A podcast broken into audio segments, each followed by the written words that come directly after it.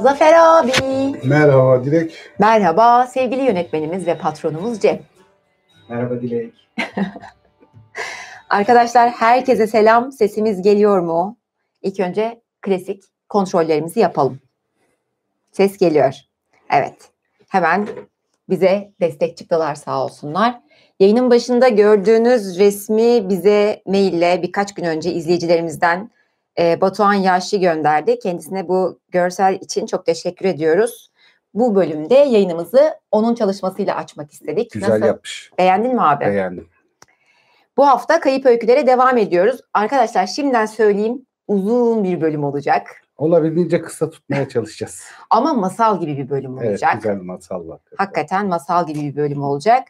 O yüzden çayınızı kahvenizi hazır edin. Kayıp öykülerin 8. bölümü Güneşin ve Ayın öyküsü başlasın hazırsanız. Başlayalım. Başlayalım mı? Başlayalım. Başlayalım. Aa, işte Eriol gene her zamanki gibi yeni yeni şeyler öğrenme hevesini asla kaybetmemiş. Lindon'un evinde kalıyor. Kayıp oyun kulübesinde. Ve e, Limpe hevesinden de vazgeçmiş durumda değil tabii. Limpe'yi de unutmamış ama henüz Meryl'in kraliçenin yanına gitmediği için evde kalıp daha başka e, elf öyküleri, vala öyküleri dinlemek istediği için ondan bir süre vazgeçmiş gibi duruyor. Ama e, sonunda bir şeyde e, akşam gene e, öykü odasında otururlarken Lindo'ya şey diyor. Ben diyor şey istiyorum diyor. Güneş ve ayın nasıl yaratıldı? İnsanlar dünyaya nasıl geldi? Bu konularda hiçbir şey anlatılmadı bana diyor. Lindo'da e, o gece bir konuğu var. Yani evin konuğu var. Şey e, Gilfanon deniliyor. Hatta Gilfanon Davrobel deniliyor. Bu Gilfanon Davrobel demek Davrobelli Gilfanon demek. Davrobel de adanın e, daha farklı bir yerinde daha kuzey e, batısına doğru bir yerinde bir Tavrobel kulesi ve nehri var. O kulenin çevresinde de gnomlar yani bizim bildiğimiz şey ırk olarak Noldolilerin yerleşim yerleri. Orada kendi dillerini de kullanıyorlar. Bu kendi dillerini kullanıyorlar özellikle belirtmemin sebebini öykünün devamında arkadaşlar anlayacaklar zaten. Az sonra. Az sonra. Orada kendi şey adlandırdıkları, kendi dillerini kullanarak yaşayanlar Noldoli elflerinden. Ama e, çok bilge bir elf ve kraliçe Meril dahil o adada yaşayan elflerin en yaşlısı. O yüzden de çok saygın bir misafir. E, aynı zamanda da e, Hisilome ve e, Arnator'da yani e, doğuda, büyük topraklarda hayatı başlamış. İlk göçle beraber gelmemiş, orada kalmış. Daha sonradan adaya gelen Noldoli soyundan bir elf. O yüzden de e, şey birçok dil biliyor. Yani doğunun dillerinde, büyük toprakların dillerinin de tamamını biliyor. Orada e, göç eden Noldoli ile Valinor'dan ayrılan Noldoli ile de ilişkiler kuruyor. Daha da önemlisi insanlarla arası çok iyi oluyor.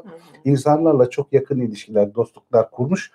E, az sayıdaki elften biri olarak da insanların gelişini, onların huylarını, şeyleri falan bilen birisi. Ee, ve şey e, Lindo diyor ki Gilfanon diyor e, bu diyor soruların cevabını benden çok daha iyi bilir.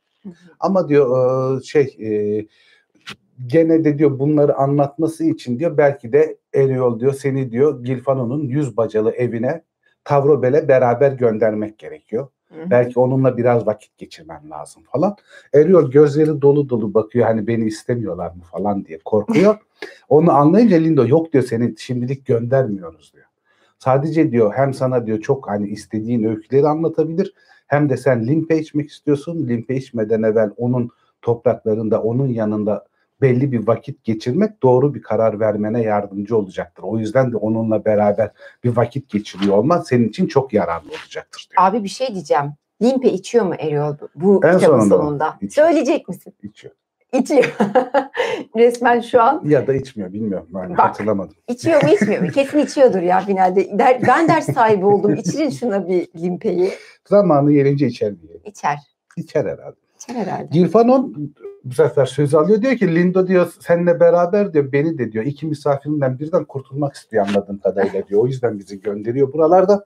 Ama diyor boşuna böyle düşünüyor. Çünkü ben en az bir hafta daha buralarda kalıp hem Lindo'nun evinde konuk olmak hem buradaki sohbetlere katılmak hem de onun leziz akşam yemeklerinden, şeylerinden, kahvaltılarından yararlanmak istiyorum. Bir yere gideceğim yok.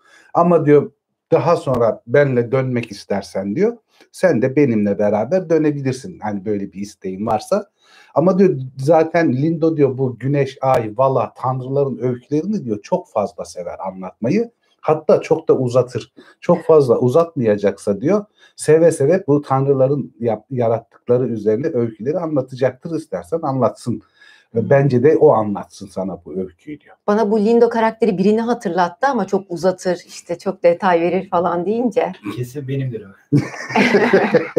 Olabilir yani. Etrafımdaki yaşlı insanlar Onlardan, diyelim. Evet. E şey de çok seviniyor buna Lindo çünkü cidden o şeyi seviyor. Ta- Tanrılar ve Valar'ın hikayeleri üstüne konuşmayı, onları anlatmayı, öykülemeyi çok seven birisi. Anlatmaya başlıyor. İşte gnomlar ilk yani Noldor'u ilk ayrılmış artık. Hala şey aramaları devam ediyor. Ee, Melkor'un peşine düşenler hala onu aramaya falan devam ediyorlar. Ama yavaş yavaş şey anlamaya başlıyor. Manve hani bu artık herhalde şey yaptı elimizden kurtuldu gitti diye. Tabii manvi ağaçların orada beklerken de sürekli haber getirenler oluyor. Mesela ilk başta Teleri elflerinden yani Vanyar elflerinden birisi Feanor'un işte şeyde e, Kor tepesindeki o ayrılıkçı konuşmasını ve e, Noldorlu insanların büyük bir çoğunluğunun evlerindeki bütün mücevheratları falan da yüklenerek ayrıldıklarını haberini veriyor. Buna bir üzülüyor Mande ama onun arkasından Sorosimpi elflerinden birisi geliyor. O da gemilerin çalındığını ve e, şeyde e, limanda bir akraba katliamı gerçekleştiğini, Noldorlu'yu engellemediklerini, engelleyemediklerini ve gemilerle beraber kuzeye doğru yol aldıklarını söylüyor. Hı hı. Böylece şey yapıyor. E, Manve ikinci bir kez daha da derin bir şekilde üzülmüş oluyor. Her şey kontrolden çıktı falan diye. Ama e, bütün bu üzüntüler, dövünmeler, bilmem neler arasında bir de Mandus'un bir ruhu geliyor.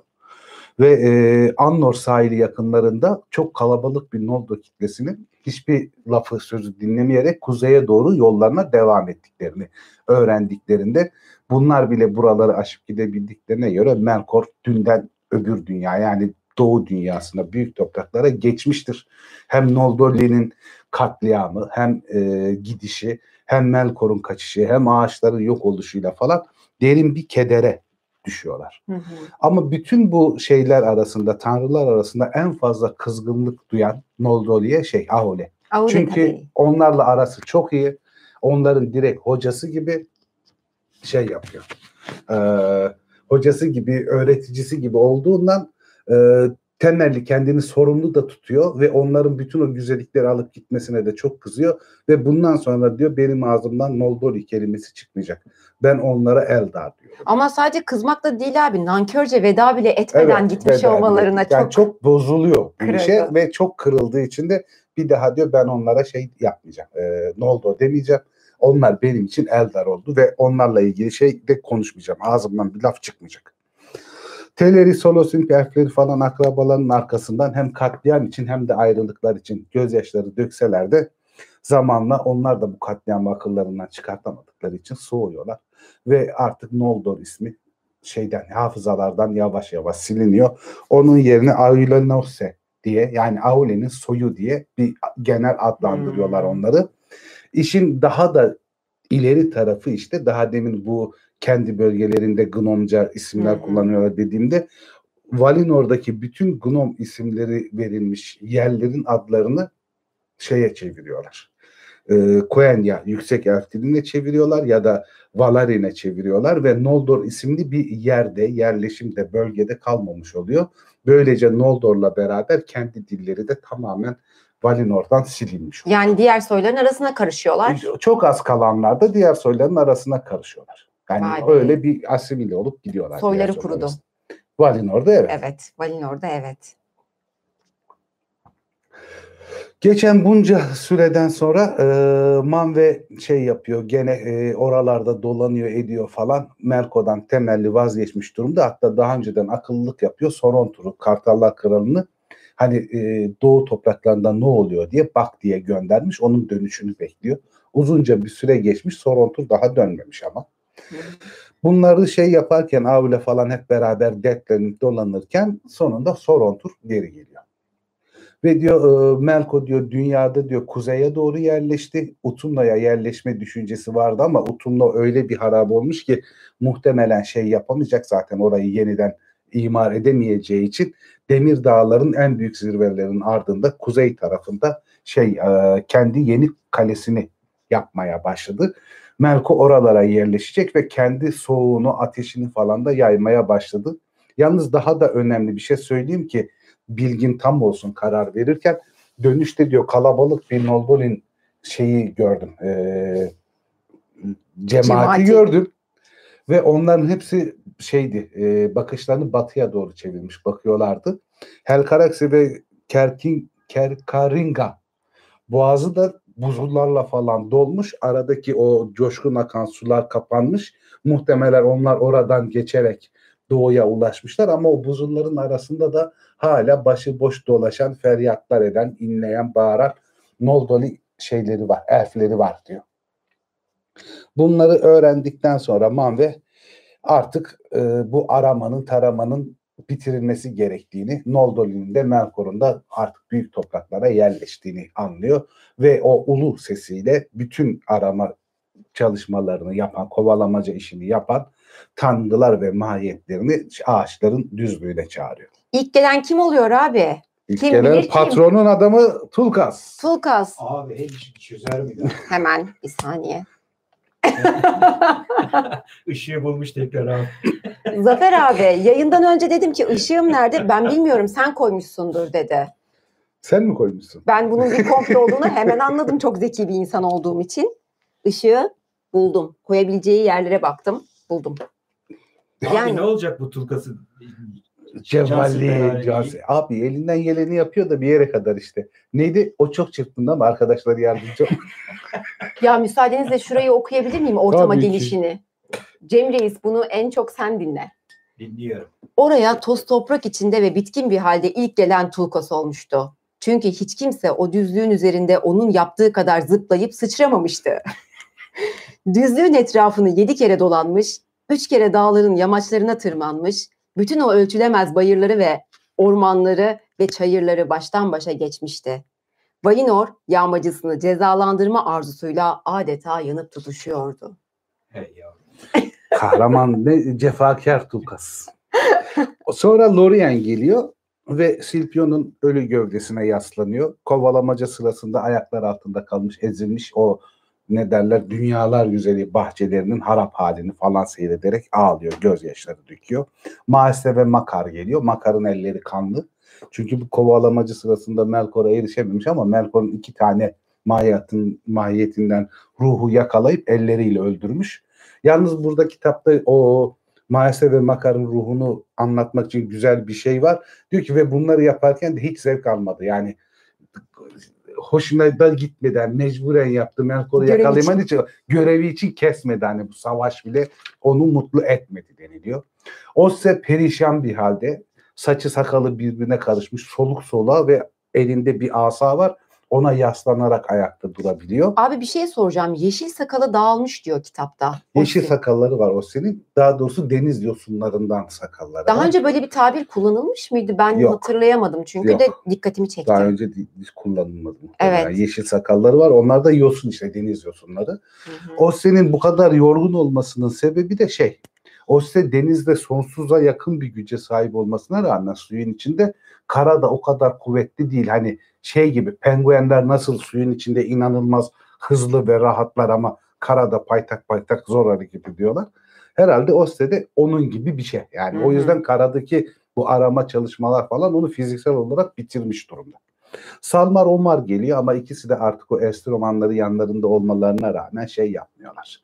Onları çalmıyorlar. Hiçbir keyifleri yok. Omar mevzuda gelen abimiz değil. Evet. Daha çok düşünen. Düşünen, entelektüel tarafı ağır olan abimiz. Ee, Aule gene büyük bir kederle tabii ki orada. Çünkü bütün hazineler falan da gitmiş. Bunun öğretisiyle yaptıkları ya da kendi geliştirdikleri irfanla yaptıkları mücevherat falan da gitmiş. O güzellikler kaybolmuş falan diye kendine de çok kızgın. Ben belki bir yerde yanlış yaptım da bunları e, şey doğru düzgün eğitemedim falan diye de düşünüyor. Yavan'la da kovalamacaya katılmış ki normalde savaşçı bir şey değildir. Valla değildir ama ona rağmen Melkor'un peşine düşmüş. Buradaki yer ece tabiri çok hoşuma gidiyor benim. Yere Çok yakışıyor işte Gaia'ya yakın oluyor işte. Hı hı. Toprağın kraliçesi. Toprak ana. Toprak ana bizdeki. Evet işte. toprak ana gibi. Doğru. Ee, Van'a ve Nessa'da şeye gidiyorlar. Kulili'nin çeşmelerinin orada bakirelerin yanına giderek orada hüzün içinde ağlamaya başlıyorlar. Onlar da bu kovalamacanın içinde yer almışlar. Sadece Ulmo şeye gelmiyor. O düzlüğe gelmiyor, uğramıyor ama o da Eldamar kıyılarına çıkmış ve batıya doğru deniz kabuğundan yaptığı e, çalgılarını falan çalıyor. Yalvarır gibi. O, o zamana kadar çaldığı en duygusal melodileri çalıyor ve arada orada zıplayıp batıya doğru Noldoli'yi geri çağırıyor falan. Ama şey yapamamış yani. E, başarılı bir çaba olmuyor hı. Ve e, Solo Simpi'nin katliamını da öğreniyor işte o şey lim, tersanelerdeki gemilerin çalınma sürecinde falan. İnanılmaz derecede üzülüyor ama çok fazla kızıp e, Noldoli'ye karşı mutlak bir tavır almam, almayacak kadar aklı başında. Ulmo'nun ön, öngörüsü ulvidir deniliyor kitapta. Hı hı. Hepsinden daha büyük bir öngörüye sahiptir Ulmo. O yüzden diyor gnomlara diyor şey yapmadı. Tamamen sırtını dönmedi. En çok sevdiği grup Solosompiler öldürülenler olsa bile. Bu da çok dikkatimi çekti. Yani Ulmo'nun ön bilisinin tanrıların tümünden hatta Manve'den Bundan bile, üstün ü- olduğunu üstün söylüyor. olduğunu söylüyor. Bu yani bu kitapta böyle geçiyor. Evet. Şeyde Silmarillion'da en büyük öngörü sahibi şeydir. Mandos'tur mesela. Doğru. Farklılık daha. Ve e, onların da diyor gnomlar da diyor kim bilir oralara geçmek için ve geçtikten sonra ne kadar büyük acılar çekecekler. Nasıl bir bedel ödeyecekler bu yaptıklarına karşılık. Onlar için de üzülüyor yani aynı zamanda. Tüm tanrılar toplandığında Man ve Soronto'nun yani Kartallar Kralı'nın getirdiği haberleri diğerleriyle paylaşıyor. Diğer tanrılarla paylaşıyor. Ve e, her biri kendi mahvolmuş topraklarına falan bakıyorlar. Hüzün içinde duruyorlar, sessizleşiyorlar. Ve e, bir süre oralarda otur bir süre oralarda oturduktan sonra kimisi kendi evine gidiyor. Kimisi yani böyle bizim cezaevi filmlerinde gördüğümüz gibi ağaçların arasında böyle ayaklarını süre süre volt atarak dolanıp gelip ağaçların oraya falan oturuyorlar. Çok büyük bir yorgunluk ve keder var. O kadar büyük bir kederlenme var ki bütün bu olanlar için. Yani ağaçlar gitmiş, ışık kaybolmuş, Melkor kurtulmuş, bir ton zarar vermiş. E şeyde işte Melkor elfleri öldürmüş. Noldoli ile Solosompi savaşmış. Bir de bu toprakları terk etmişler. Valinor hiç o zamana kadar bu kadar ışıksız ve karanlık kalmamıştı. Çünkü tanrıların yüreği de kararmıştı diye anlatıyor Tolkien burada. O yüzden tamamen şey yapmışlardı diyor. Ee, ışıksız ve karanlıkta kalmıştı Valinor. Ağaçların olmaması tabii çok büyük üzüntülerden birisi. Zaten ağaçların ışığı falan da doğru düzgün kalmamış. Sadece o her ikisinin kazanlarında bir miktar var. Bir de tanrıların falan bahçelerinde böyle çok ufak ufak miktarlarda ağaç ışıkları var ama onlar da Valinor'un o karanlığını yırtmaya falan yetecek şekilde değiller. Neydi? Kulülin çeş çeşmesi. Kulülin mi? çeşmesi. Abi. Evet. Vana'nın orası. Van'ın orası. Van'a Lorien'i arıyor birden aklına bir fikir geliyor. Urvendi ile Silmo'yu da alıyorlar. Bu Urvendi Lorien ağacının sulamacısı, bakıcısı. Hı Silmo da e, Telimpe'nin gümüş ağacının sulamacısı, bakıcısıydı zaten. Bunlar hep beraber o kazanlara gidiyorlar. Kurilin'le öbürünün adını unuttum şimdi. Gümüş ağacının kazanı. Telimpe. Telimpe. Ha. Telimpe'nin yanına gidiyorlar ve hiç kimseye danışmadan falan alelacele akıllarına şey geliyor. Bunların kendi öz suyuyla ağaçları sularsak bunları hayata geri döndürebiliriz. Bu şeyle o besinle beraber şey yapabilirler. Toparlanabilirler falan diye tam olarak kitapta söylediği gibi söyleyeyim savurganca o kazanlardaki ışığı ağaçların altlarına dökerek harcıyorlar. O sırada Vana'da, e, Urvendi'de, Bakireleri'de falan hep beraber e, hayatı coşturacak, hayatı yeniden oluşturacak şarkılar ve danslar da söylüyorlar. Bu sesleri duyan Aule ve e, Manve hemen kendi saraylarından çıkıp alelacele ağaçların yanına geliyorlar ve birçok şeyin ışığı yani hem altın ışığının hem gümüş ışığının hoyratça savrulduğunu, oralarda toprağın emip kaybolduğunu görünce şeye kızıyorlar. E, Vana'ya kızıyorlar. Diyorlar ki yani nedir bu acelecilik? Niye kimseye danışmadan böyle bir şey yapıyorsunuz? Şeyi bilmiyor musunuz? Bu elinizde olan depolanmış ışıktan başka bu ağaçların öz suyundan elimizde hiçbir şey yok. Bunlar dünyada şu andaki en değerli nesneler. Çünkü yeniden üretemiyoruz. Hepsi bu kadardı zaten. Harcadığınız kadardı. Bunları harcamak nasıl bir düşüncesizliktir. Hı hı. Van'a gözyaşları içinde şey diyor. Ben diyor hep diyor bu şekilde canlandıkları için ağaçlar ve bizim de büyülerimizle falan bu şekilde ağaçları yeniden hayata döndürebileceğimizi düşünüp alelacele kendi başıma bir karar verdim. Özür dilerim diyor. Yani hakikaten bir hata olmuş. Çünkü sonuçta ağaçlar canlanmıyor o sular elmesine rağmen. Hatta hiçbir kıpırdı olmuyor ağaçlarda yani. Tamamen ölü ve kurumuş şekilde duruyorlar. Tam çok kendime benzettim abi. Hızlıca, hiç düşünmeden aklına gelen ilk çözüm yöntemine hoyratça başvurmuş olmak. Hata yapma ihtimalini hiç düşünmemiş olmak. Benim Sen 2000'li falan olabilir misin acaba? ruhum olabilir abi. Çok Z kuşağı bu ya. Ruhum olabilir abi. Bu tabii yani bu şarkılar, sözler, ağıtlara diğer tanrılar falan da toplanıyor gene düzlükte ağaçların olduğu yerde ve şey Yavanna'dan yardım alalım diyorlar. Yani çünkü Yavanna en büyük yaratıcı, toprak ana yani. O diyor belki şey yapabilir. Bu ağaçları yeniden canlandırabilir. Yani onun gücü yetebilir. O bütün büyülerini falan kullanırsa. Ve şey e, yapıyorlar. E, ağaçlar bir canlanabilirse Aule de geri kalan kısmını kablarımı bilmem neleri halleder. Böylece ağaçlarımızın tekrar o rutinine döneriz falan diye düşünüyorlar. Ve Yavanna'yı çağırıyorlar. Yavanna ne istediklerini soruyor tanrıların kendisinden geldiğinde. On, onlar da şey diyorlar yani e, bu ağaçları canlandırmanı istiyoruz yeniden büyülerinle şey Efsun'unla falan. Şey diyor e, Yavan'la e, ne yazık ki diyor bu ağaçlar diyor bir daha asla canlanmayacak. Çünkü diyor bunlar sonsuza kadar bizim elimizden alındı artık. Bunlara ben ne yaparsam yapayım benim gücüm bu ağaçları canlandırmaya yetmeyecek. Çok uzun zaman geçecek. Tanrılar e, şey yapacak, yaşlanacak. Elfler ise solmaya başlayacak. Ta o zamanlara kadar bu ağaçlardan tek bir canlılık alameti göremeyeceğiz. Büyülü güneşin yeniden yakılışını göreceksiniz ama bu süre içinde diyor.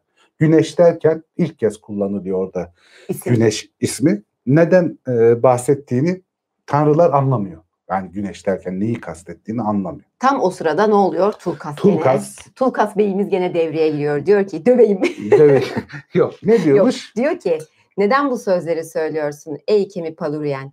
Çünkü geleceği söylemek senin alışkanlığın değil ki. Orada bulunan diğerleri de şöyle dedi. Evet ve Yer Hanım Kemi'nin tavsiyeleri daha önce asla bu kadar sert ya da en derin erdemin büyüsünden bu denli yoksun olmamıştı. Yavan'la şey yapıyor bunları duyunca diyor ki bu bir yazgıyla alakalı ve Aynur'un müziğinde yazılı bunlar. Bunlar bizim değiştiremeyeceğimiz şeyler. Bu mucizeler bizim yapabileceğimiz, tanrıların yapabileceği bir şey değil. Ve de sadece dünyanın genç yaşlarında yapılabilir bu işler diyor. Artık dünya Melkon'un kötülüğüyle yaşlanmaya başlamış durumda artık. İlk hı. ham hali değil. Bir şeyler düzeltilmiş, zaman geçmiş. Hem genç zamanlarında yapılması gerekiyor. Hem de diyor bu işler diyor tanrılar dediklerimiz bile diyor bir kere yapabileceği işlerden. İkinci kez diyor bu ağaçları yaratamayız. Bunun üzerine Van'a yani anlayışsız davranıyor çünkü çok üzgün bir durumda. Yani şey yapamıyor. O e, Lorien ağacının aydınlanmasından başka hiçbir şey düşünemediği için Aule'ye dönüyor. Sen de diyor eşin gibi diyor umutsuz musun diyor. Sen bir şey yapamaz mısın? Senin senin gücün bir ışığı geri getirmeye yetmez mi? Ey Talka Marda. Talka Marda da dünyanın demircisi diye çevrilmiş. Aslında Smith diye geçiyor. O da daha çok yani en usta yapıcı, oluşturucu zanaatkarlar zanaatkarlık sahibi anlamına gelir. Yani ama demirci genellikle demirciler için kullanılıyor yani. Ve Aule cevap verdi. Ve Aule cevap verdi. Ne demiş? Diyor ki e, bak ey Tuvana ve sizler Valin'in ve elflerin yanında olanlar siz sadece ve daima Valinor'u düşünüyorsunuz. Dışarıdaki dünyayı unuttunuz. Çünkü yüreğim bana söylüyor ki tanrıların bir kez daha ayağa kalkıp dünya ve büyüyerek yenilemez bir hale gelmeden önce Melkon'un güçlerinin oradan kovulması için savaşmalarının vakti zaten gelmişti. Bu sırada da Vana'nın da taraftarları var tabii yani şey Yavanlı'nın e, inat ettiğini ve ayak dirediğini düşünen bir kısım var. En azından denemesi gerektiğini düşünen bir kısım var. O öyle ufak bir aralarında ağız dalaşları falan olunca e, Man ve Varda, Aule ve Yavan'la o kalabalıktan sıyrılıp biraz daha uzaklaşıyorlar ve orada kendi aralarında bir toplantı, gizli bir toplantı yapıyorlar. Bunlar zaten en güçlülerden yani işte şey dediklerimiz, Aratar dediklerimizden.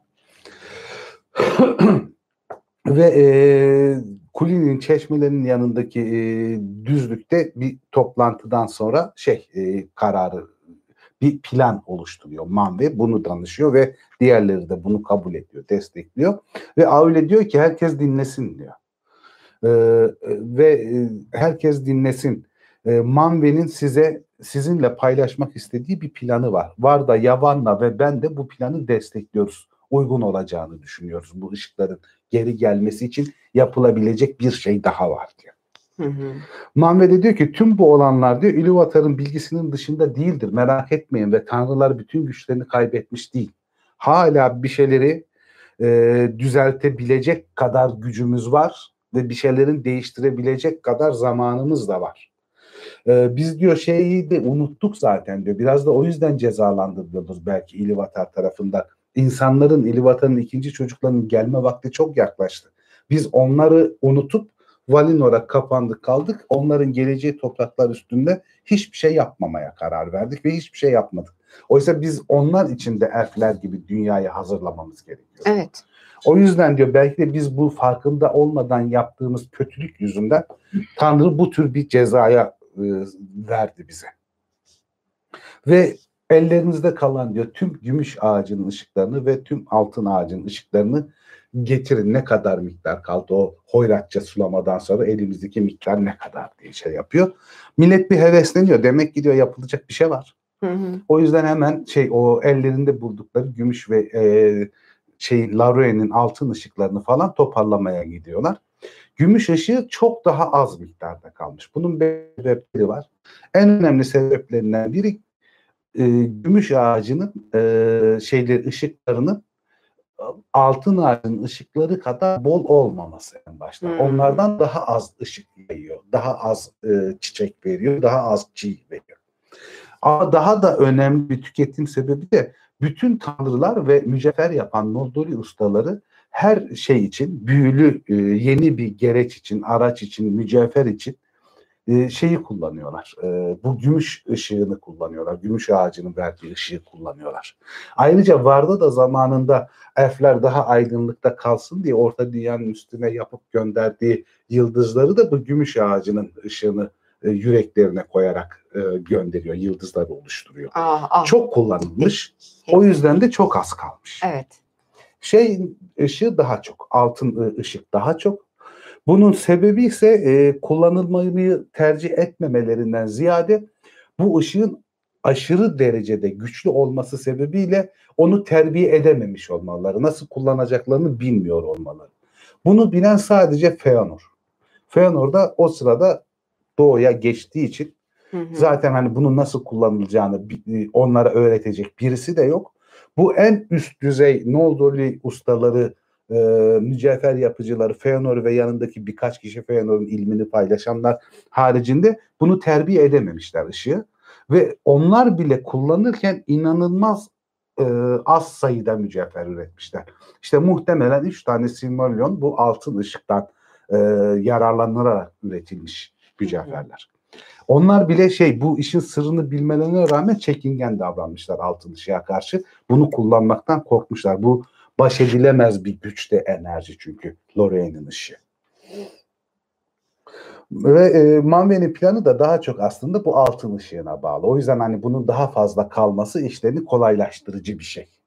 Yani ay ışığına o kadar ihtiyaç duymuyor Manve'nin planı. Manve'nin planı da şey e, Aule bu toplanan ışıkları saklayacak bir kap yapması gerekiyor. Ama bu şeye e, ışığın gücüne, enerjisine, ısısına dayanacak bir malzeme. Aynı zamanda bunu gökyüzüne gönderecekler. Oradan ışık yayılacak. Böylece hem şey doğu toprakları hem batı toprakları ışıklanacak. Bunu planlıyorlar. O yüzden de inanılmaz derecede hem hafif hem dayanıklı bir madde olması lazım. Hem havalanabilsin Evet. hem de o ısıya direnç gösterebilsin diye. Aule'de bunda tabii kimin yardımını alacak en başta? Varda'nın. Çünkü Varda da yıldız yapıcısı. O da bu yapım işlerinde falan uçan nesnelerin işlerinde çok e, mahir bir tanrı. Varda ile beraber çekiliyorlar ve bu maddeyi yapmak için uğraşmaya başlıyorlar onlar e, Aule'nin ocaklarında. Varda bu şeyleri yaparken burada biraz e, hava katmanlarından bahsediliyor. Daha önceden bahsetmiştik ama arkadaşlar hatırlasın diye söyleyeyim ben. Şöyle bir durum var. En üstteki e, katman Vaitya kat, katmanı. Orada şey yok yani uzay boşluğu gibi ses, koku, e, nefes alma gibi durumlar yok. En üst yüzey o Vaitya. Hı hı. İkinci yüzey var İlve. İlve katmanında şey yapabiliyorlar. Tanrılar oralarda dolanabiliyor. Şey hareket edebiliyorlar. Ee, yıldızlar onun alt katmanlarına doğru dizilmiş durumdalar. İlve katmanındalar. Vilna'da toprakla e, İlve katmanı arasındaki bizim günlük kullanımımızdaki olan hava. Zafer abi kağıt desteği verelim. Zafer abi ve daha rahat anlatırsın diye düşünüyorum. Şöyle çizebiliriz. Portakal. portakal ya Antalya'da hiç iyi portakal yok ya. Millete millete desem güler ya. Vallahi Gerçekten. Ki de- berbat ya. şu an millete demiş kadar oldun zaten Yani ben abi. Ankara'da her yıl çok iyi portakal yerdim. Antalya'da şey Finike'ye falan gitmezsem berbat portakallar Abi ya. hepsi yurt dışına gidiyor ondan. Berbat yani hakikaten ben hiç bu kadar kötü portakal İlaç fazlasını yiyoruz abi. yani ne derler küspe olarak kullanılmayanları bize mi satıyorlar? Zafer abiden arada bir portakal serzenişi geldi. evet portakal evet. Kızdım. Önemli çünkü. anlatacağız dedik ya. Portakalla Dertlendi. Dertlendi. İyi portakal yok olsa anlatacağım diyor. Abi ışık vereyim ışıklanması. Yok sağ ol. sağ- Allah razı olsun sağ ol. İstiyorsan vereyim yani. sağ ol. Ama sen kullanamayabilirsin. O özel bir güç işte. Bu Aynen. altın ışığı gibi. O herkes kullanamıyor. Aynen öyle abi. Varda da bu yıldızları yaparken şey yapıyor. Bunları bir tekne halinde yapıyor. Gökyüzüne böyle bir gök gemisi gibi gönderiyor. Ve bunların içine de aslında yıldızların içine de hep bir e, ay ışığından yani ay ağacının ışığından yüreklerine bir parça koyuyor. O yüzden soluk ve donuk bir ışıkları var. Ve onlar gezebiliyorlar. Ama bir üst katmana gönderdiği devasa şeyler de var. Yıldızlar da var. Onlar genelde sabit duruyorlar zaten. Onların en önemlileri elfler ve insanlar tarafından tanınıp bilinenleri iki tane. Biri Morvinyon, Alacakaranlık'taki çakış adını vermişler ona. ve bunu elfler çok seviyor Morvinyon yıldızını. Bir de Niel Luin yıldızı var. Gök mavisi arı anlamına geliyor. Onu da insanlar çok seviyor. Hatta gökyüzünde takımada olarak e, e, isimlendirilmiş Tulkas'ın oğlu Telimehtar'ın e, takımada yıldızının tam ayaklarının ucunda durduğu söyleniyor. Onun ayaklarının ucunda yattığı söyleniyor. Şey. Hemen veriyorum. Hemen veriyorum. Özel istek geldi yoksa ben açmayacaktım. Bu sefer Ben bu sefer patron coştu. Araya bir de Tulkas patlatalım abi. Tulkas'la çok güçlüdür, çok iyi dövüşür falan diye arada bir Tulkas'ın Yiğitoğlu ışığım ya canım ışığım. Bir saniye kapatayım da pili bitmesin.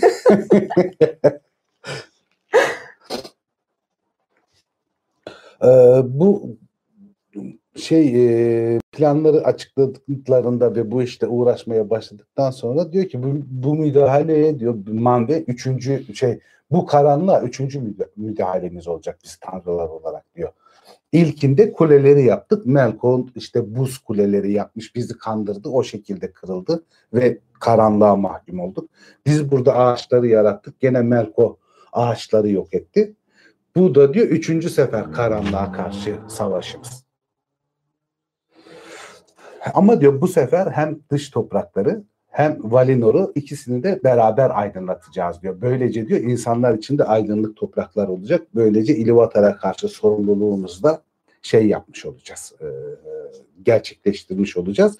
Bu gemiyi diyor ben doğudan batıya, batıdan doğuya gezdirmeyi düşünüyorum. Bunun sebebi de kuzeyde diyor Melko yerleşmiş. Zarar verebilir. Güneyde de Ungverint yani bizim Ungoliant diye bildiğimiz e, yaratık Hı hı. O da işte şeyden e, Orta Dünya'ya dış topraklara geçtikten sonra güney kısmına gitmiş yerleşmiş. Hı hı. O yüzden diyor orta bölgeler hem ışığa susuz hem büyük ihtimal insanların geleceği yerler hem de Melkor ve Ungvelit'in tehlikesinden uzak kalacaktır. O yüzden her iki dünyayı da bu şekilde aydınlatabiliriz. Ee, ve e, Lindo diyor ki tanrılar dilediklerinde Vilva ve aşağı katmanlarda büyük patlamalı hızlarla seyahat edebilirler. Öyle bir şeyleri var. Yani tanrılar bizim anladığımız manada uçabiliyorlar. Ama sadece şeyde Vilna ve İlve'nin belli bir yerine kadar orta katmanı. Ve Melko'nun hiçbir gücü yoktur havada. Melko toprağa mahkumdur. Havadayken hiçbir gücü yok. O yüzden yıldızlara falan bulaşamıyor. Yani bir zarar veremiyor yıldızlara Melko. Ama oysa bir evet. şey toprak üstündeki her şeye müdahil, her şeye bulaşabiliyor. Mane'nin kendisi de zaten söylediğinde şey diyor. Yükseğe koymamızın sebebi şey olacak diyor. Melko'nun havada bir gücü yoktur. Yani hava bize aittir. Hmm. Ve e, İluvatar'ın yanından gönüllü olarak ineceklerin de Ayunurlar dünyaya. E, İluvatar onlara diyor ki artık oraya inenler o dünyanın gerçeğiyle sabitlenmiş olacaklar. Ve onlar bir daha bu dünya yok olana kadar, büyük sona kadar başka bir yere çıkamazlar. Dünyanın katmanlarının dışına geçemezler. Bunu kabul edenler insin, kabul etmeyenler inmesin diyor.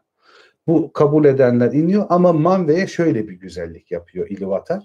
Sadece aralarında Manve e, Vaitya denilen en üst katmanda yaşamını sürdürebiliyor. Onun öyle bir izni var. Onun temiz yürekliliğine ve bilgeliğine güvendiği için Manve'ye öyle bir özel güç vermiş oluyor İluvatar. Mamle'ye yakışır abi. Evet.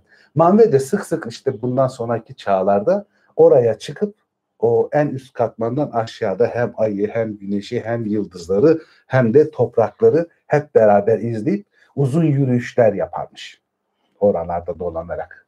Çünkü ondan başka hiç kimse zaten oraya çıkamıyor. Orada e, orada dünya ile ilgili bir şey yok çünkü. Ses gelmiyor, koku gelmiyor, toz yok. Hiçbir şey yok. Nefes almak da yok. Yani tanrılar da yaşamıyor orada. Hı. Aule işte kapları yapmaları isteyince bu çok zor bir ödev de diyor ama hani elimden gelen her şeyi yapacağım diyor ve çalışmalara başlıyor Varda'yla beraber. Burada anlatıcı bir paragraf giriyor araya. Tolkien, e, Christopher Tolkien şey diyor yani babam diyor notlarında demiş ki diyor bu hikaye çok fazla uzun. Bunun çok hani kısaltılması ve toparlanması gerekiyor. O yüzden de diyor ben hikayenin özüne hiçbir şey yapmadan, etki etmeden kimi bölümleri editör kararıyla kısalttım. Hı hı. O işte o yüzden de toparlama pasajları diye böyle kısaltılmış şeyler var aralarda. Oradaki paragrafta da anlattığı şey şu. Aule var da havada yüzecek kadar e, hafif ama içine işte o ısıyı koyabilecek kadar dayanıklı ve büyük şeyler yapmak için çok fazla çaba gösterdiler. Ama ne yaparlarsa yapsınlar böyle bir madde elde edemediler. Bu konuda başarısız oldular. Bunu üretemeyecekleri belli oldu. Ve gelip de e, şey yaptı ağaçların orada e, söylediler tanrılara bu madde üretilemiyor biz bunu yapamıyoruz. Ve orada bir çöküntü oluyor ama bu sefer gene Yavanla'ya kalmış oluyorlar. Ve bu sefer ısrarla Manve'ye Yavanla kendi rızasıyla yapmıyorsa ona emreder misin ağaçları canlandırmaya çalışsın diyorlar. Manve de çok istemese de Yavanla'ya emretmek zorunda kalıyor. Yavanla da bütün herkesin talebi olduğu için inanmasa da keyifsizce bu görevi kabul etmiş oluyor. Ve birer parça ay ve güneş ağacının ışıklarından istiyor. Küçük şişelere konulmuş iki parça verebiliyorlar ellerine. Hı. Sol eline ay ağacının ışığını, sağ eline güneş ağacının ışığını, Lorien'in ışığını alıyor ve bir ilahiye başlıyor. İlahiye başladığı zaman bir ortalık kararıyor, soğuyor. Sonra şey toprak yarılıyor, depremler oluyor. İki ağacın tam ortasına geliyor, iki elini yukarı doğru kaldırıyor. Elindeki şişelerdeki ışıklar korkunç bir şekilde parlamaya ve yanmaya başlıyor. Ve şey yükselmeye başlıyor. Yavanla biraz daha yükselmeye başlıyor. Yavanla e, şey e, sonsuz ebedi e, mahsul duaları okuyor.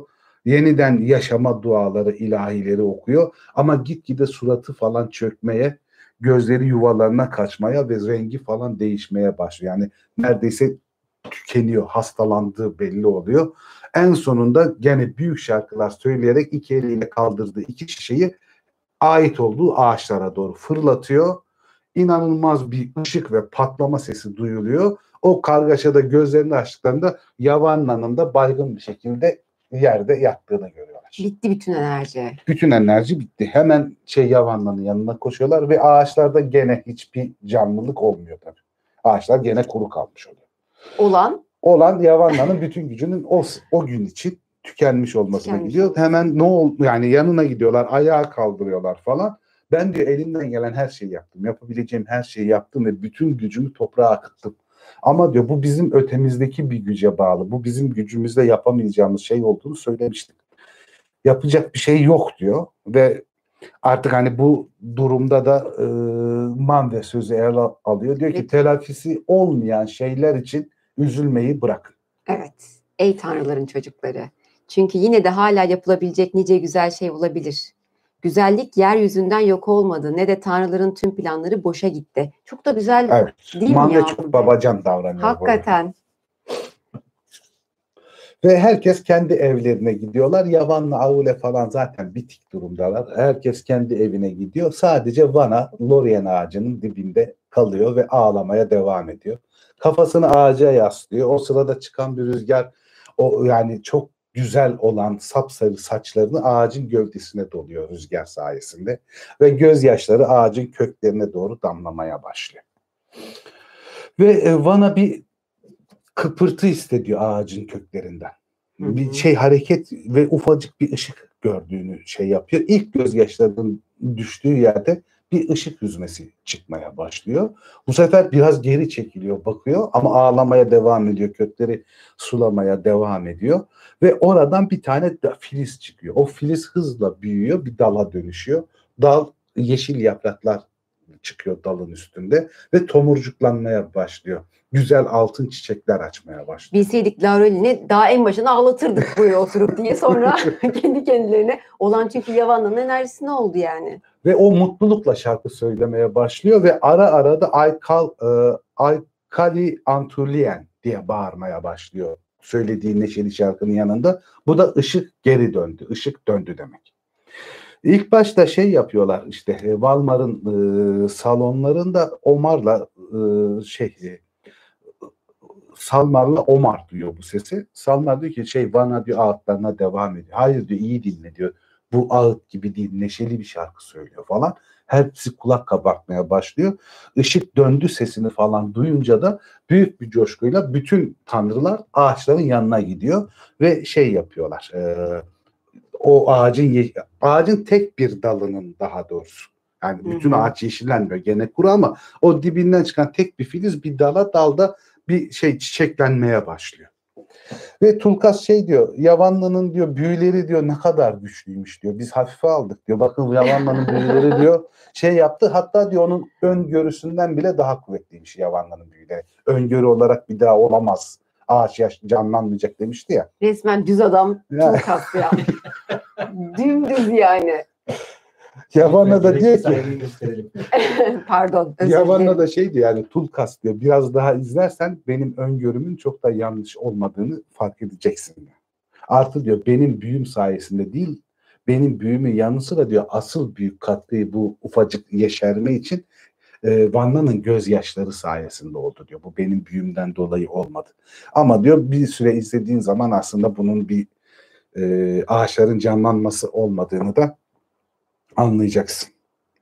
Yapraklanıyor, bir filiz büyüyor, tomurcuklar açılıyor, yapraklar çıkıyor, bir çiçekleniyor, altın yapraklar açılıyor falan böyle herkes umut içinde bakmaya falan başlıyor. Sonra ani bir rüzgar çıkıyor ve bütün o e, güzel çiçekleri, altın yaprakları falan döküyor. Herkes o dökülen altın yaprakların parıltısını falan toplamak için onların peşine düşüyor, yaprakların peşine düşüyor. Ama yakaladıklarında tamamen yanmış da tek bir böyle e, örümcek ağı kadar ince külün arasında bir parıltı gibi altın zerreler buluyorlar. Yani puf yok oluyor. Ama bir tanesi o dalın ucundaki bir tane çiçek o rüzgara rağmen şey yapmıyor. Düşmüyor. Bir tek o büyümeye başlıyor. Gitgide daha fazla büyümeye başlıyor. Bir meyve şekline dönüşüyor. İçerideki kabuğunda böyle şeyin canlı canlı attığını falan görmeye başlıyorlar. Ee, yüreğindeki çiçeğin içindeki şeyin e, yüreğinin ve çevresinde de bir sıvının dolaştığını, bir ışıltının çıktığını falan görüyorlar ve giderek daha çok büyümeye başlıyor o çiçek. İnanılmaz güzellikte pürüzsüz bir yüzeyi var şey e, kabuğunun. Tamamen yani e, belki de Noldoli'nin yaptığı mücevherlerden bile daha pürüzsüz bir yüzeye sahip olduğu söyleniyor. Evet abi burayı çok güzel tasvir etmiş. Söyle. Tolkien. Yani şu Şey, ateş küresi. Evet ateş Yani küresi. şurayı okuyayım hatta. Oku oku. Yapraklar toprağa düşerken bile meyve harikulade bir şekilde büyüdü. Çünkü ölmekte olan ağacın bütün ışıltısı ve özü onun içindeydi.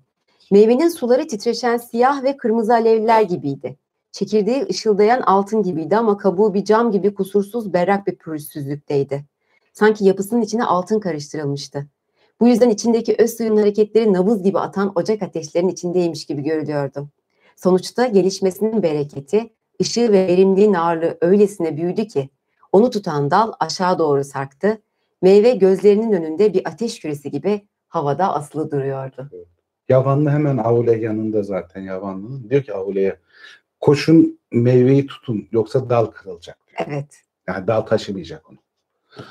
Aule de o sırada aslında derin düşüncelere falan dalmış. Yavanlı'nın sesiyle irkiliyor. Diyor ki aklımda çok daha iyi bir şey geldi benim diyor. Bir süredir hani bu meyveyi görür görmez diyor. O aklıma geldi diyor. Çok daha doğru bir şey yapacağım. Şu diyor çiçeği e, meyveyi kopartmama yardım et Tulkas diyor. Tulkas'la beraber çiçeğin yanına doğru gidiyorlar. Yani tulkası olmasa zaten o meyveyi kopartamazlar değil mi Zafer Tabii abi? yani Tulka, Tulkas'ın her Abi şeyi. bu adam daha ne yapsın ben anlamıyorum ki. Emekçisi ya Emekçisi. oranın. Düz adam demiştim biraz önce. Şimdi yeniledim. Güncelleme geldi şu an yeni sürüm. Bu meyveyi kopartacaklarını falan anlayınca Vana'da diğerleri de kıyameti kopartıyor. Ağaçlara ikinci kez tecavüz ediliyor bilmem ne falan diye tantana yapıyorlar. O sırada da şey e, yanlarına yaklaşamıyorlar ama Tulkas ve e, şeyin e, Aule'nin. Çünkü o içinden böyle yanan ışık o kadar güçlü bir şekilde itiyor ki kimse oraya kadar yanaşamıyor. Aule ve Tulkas anormal fiziksel olarak güçlü oldukları için oraya kadar gidebiliyorlar yani. Yoksa yani kimse onun yanında dayanamıyor şeye. E, ısıya ve ışığa. Ve şey işte bir ton söylenince falan e, Aule geri dönüyor. Küçük e, bilmişliklerinizle bilmişliklerinize son verin. bi- Bizi rahat bırakın. Biraz sabredin diyor. Tabi Bunu söyle. abi? Küçük, Küçük bilmişlikler.